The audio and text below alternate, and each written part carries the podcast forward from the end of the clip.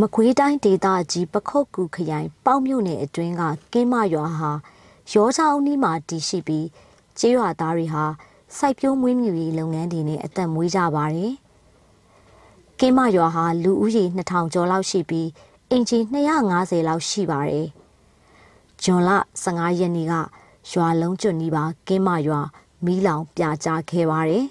။အဲ့ဒီမီးလောင်မှုကြောင့်ရွာသားတွေရဲ့စားနပ်ရိက္ခာတွေအပြင်လေယာသုံးကျွဲနွားနဲ့အိမ်မွေးတိရစ္ဆာန်အများအပြားလဲမီးလောင်ဆုံးရှုံးကုန်ရပါတယ်။မီးလောင်ကျွမ်းမှုအတွင်းမှာဆိုးရွားတဲ့ဖြစ်ရပ်တစ်ခုကတော့ကျမ်းမာရေးချို့တဲ့တဲ့အသက်80အရွယ်အဖိုးအဖွားဇနီးမောင်နှံဟာမီးလောင်တည်ဆုံးခဲ့ရတာဖြစ်ပါတယ်။ ကင်းမရွာရဲ့မီးလောင်ကျွမ်းမှုအကြောင်းကို အသေးစိတ်သိနိုင်မှုကင်းမရွာသားတွေကိုဆက်သွယ်မေးမြန်းခဲ့ပါတယ်ရှင်။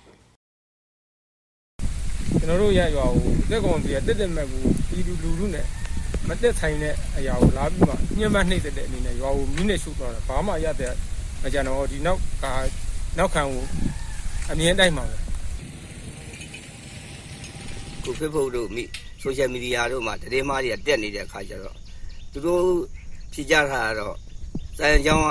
စံရန်ကျောင်းကိုကြေးရွာလူထုကမိရှို့တာစံရန်ကျောင်းကကူးပါတယ်ဆိုပြီးမှသူတို့တရေမားတွေတက်နေတဲ့နေရာမှာတကယ်ကြတော့မဟုတ်ပါဘူးစစ်တပ်ကစစ်ကောင်စီကတရင်ချင်းလိုက်ပြီးမှမီးမီးနဲ့အကုန်ရှို့သွားပါတယ်တကယ်လို့သူတို့ပြောလို့ဆိုရင်ဘာလို့ဘိုးဘွားမတမစွာဘိုးဘွားလင်မယားတည်တဲ့ကိစ္စ သူကြေးရွာလူလူကရှို့တယ်ဆိုရင်ဒီဖိုးကြီးမကြီးထားခဲ့မလားသူတို့ခေါ်သွားမှာပေါ့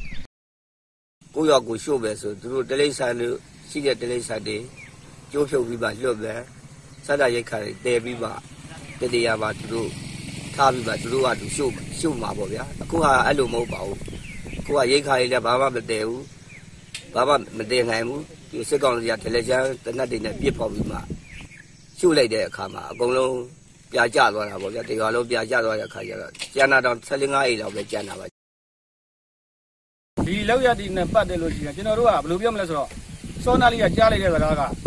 စက်ကောင်စီရှို့တာကိုကျွန်တော်တို့ကမြင့်မြင့်ဓာတ်ရိုက်ငင်းနေတဲ့တန်တမ